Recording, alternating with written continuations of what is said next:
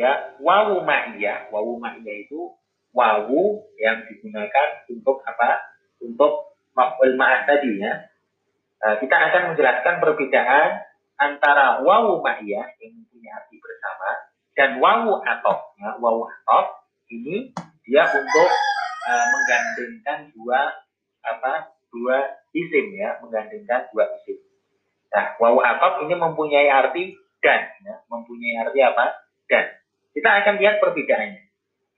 Perbedaan yang pertama bahwasanya isim yang terletak setelah wawu ma'iyah selalu mansub ya selalu apa? Mansub adapun isim yang terletak setelah wawu atof tergantung maksudnya tergantung yang diatofinya.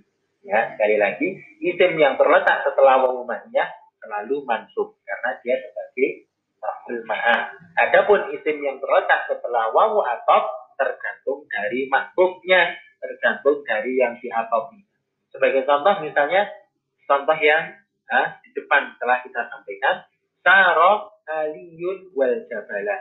Di sini wawunya adalah wawu ma'iyah karena isim setelahnya dia mansub ya. Kemudian contoh yang kedua Saro aliyun wa hasanun.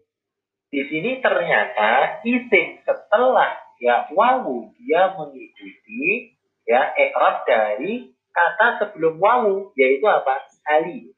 Sehingga wawu di sini dia adalah wawu atau ya dia adalah wawu atau sehingga si Hasan ya, sekali lagi dia mengikuti ekrob dari Ali. Yang dalam hal ini dia marfu. Kira dapat dipahami ya kemudian perbedaan yang kedua ya, perbedaan yang kedua bahwasanya pelaku dari wawu mahiyah hanya terdiri dari satu pihak. Kita perhatikan. Pelaku dari wawu ma'iyah ya, itu hanya terdiri dari satu pihak. Sedangkan pelaku pada wawu atau terdiri dari dua belah pihak.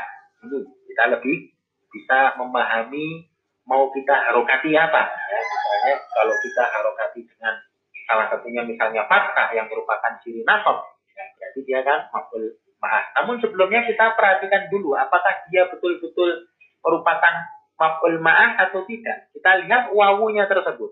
Ya, di antaranya kita lihat perbedaannya. Ya, perbedaan yang kedua ini. Bahwasanya apabila ya kita menganggap itu wawu ma'iyah, maka pelakunya hanya ya hanya satu pihak saja. Ya.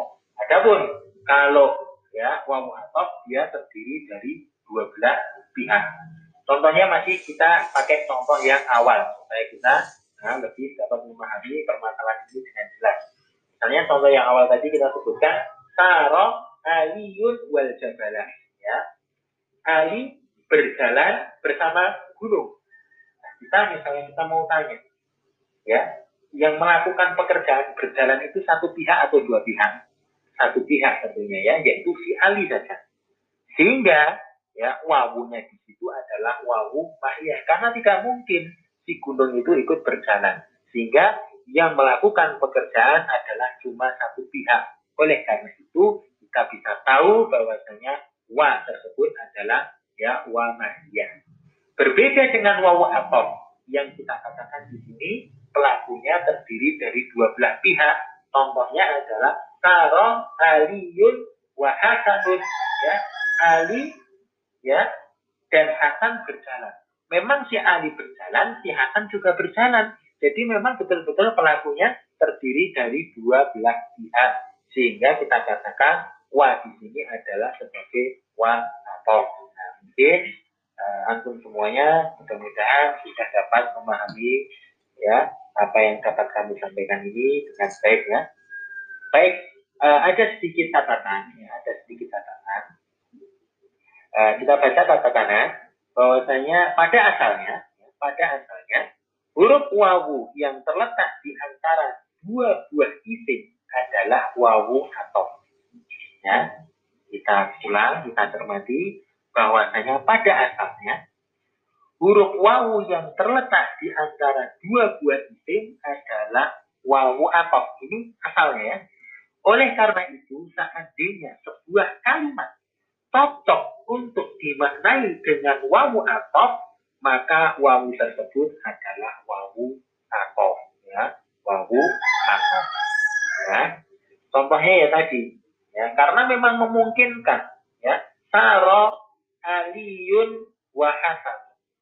Ya. Memang e, wawu di sini kita anggap sebagai wawu atof karena memang memungkinkan kita maknai demikian bahwasanya kita maknai si Hasan memang dia betul-betul bisa berjalan sebagaimana si Ali ya.